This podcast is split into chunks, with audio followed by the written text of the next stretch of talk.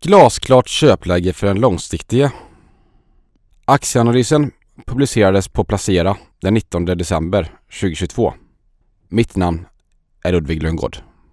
Dörr och fönsterbolaget Inwido rider på hållbarhetstrenden och aktien är efter en rejäl kursnedgång nu på rea. Kortsiktigt kan det bli några tuffa kvartal, men för den som vågar lyfta blicken är det köpläge. Inwido, som har huvudkontor i Malmö, är en av Europas största spelare inom dörr och fönsterbranschen. Bolaget är noterat på Midcap Stockholm och i år har aktien gått ner över 40% Börsvärdet ligger idag på 5,7 miljarder kronor och antalet medarbetare under Inwidos paraply uppgår till 4 900. Några av bolagen som ingår i Inwido-koncernen är Sparfönster, Diplomatdörrar och Elitfönster. Baserat på rullande 12 månader omsätter koncernen 9,1 miljarder kronor och rörelsemarginalen ligger runt 12 procent. På grund av stigande priser på insatsvaror har Envidos marginal tagit en del stryk. Men med hjälp av prishöjningar har man lyckats parera en del av de ökade kostnaderna. Envido delar in sin verksamhet i fyra olika geografiska områden där Skandinavien är störst med 54 procent av omsättningen. Östeuropa 24 procent. E-commerce 11 procent och Västeuropa 8% Det ska tilläggas att Finland ingår i Östeuropadelen.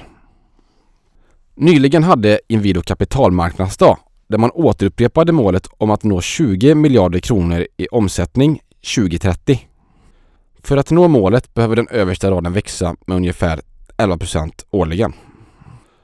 Bolaget har historiskt växt organiskt och genom förvärv.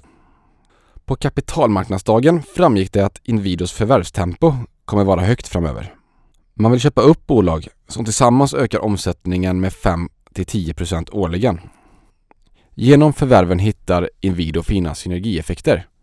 Insatsmaterial står för runt 50% av koncernens kostnadsbas och med hjälp av gemensamma inköp kan besparingar nås. Den europeiska dörr och fönstermarknaden är väldigt fragmenterad och det finns därför gott om potentiella förvärvsobjekt. På kapitalmarknadsdagen berättade VD Henrik Hjalmarsson att man snart genom förvärv kommer gå in på en ny europeisk marknad i stor skala. Balansräkningen är i gott skick vilket gör att Inwido i en svagare marknad kan plocka upp bolag till en billigare peng. Runt 35% av en fastighets värme försvinner inom fönster och dörrar. Investeringar i nya och mer energieffektiva fönster kan därför få ner uppvärmningskostnaderna. I och med energieffektiviseringstrenden bör Inwidos produkter vara högaktuella i många år framöver. EUs Green Deal, som fokuserar på energieffektivisering av fastigheter genom att öka renoveringstakten, är något som bör gynna Inwido.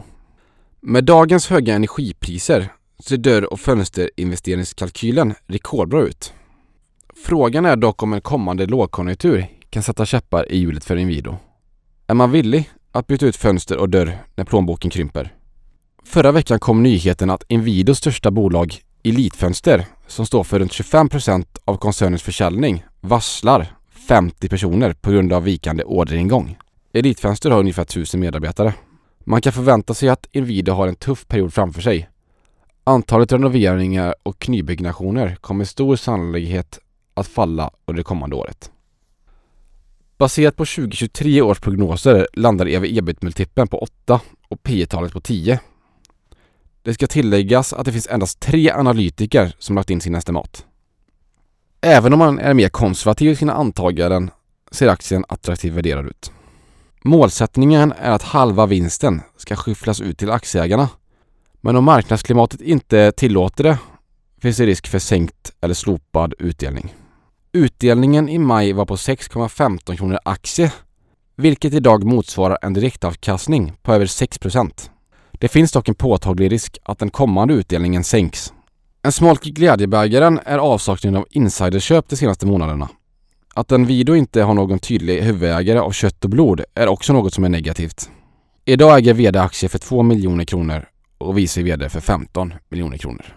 De kommande kvartalen kommer bli tuffa men för den som vågar köpa och sitta still i båten kan kursnedgången ses som ett köpläge. Det långsiktiga caset är högintressant.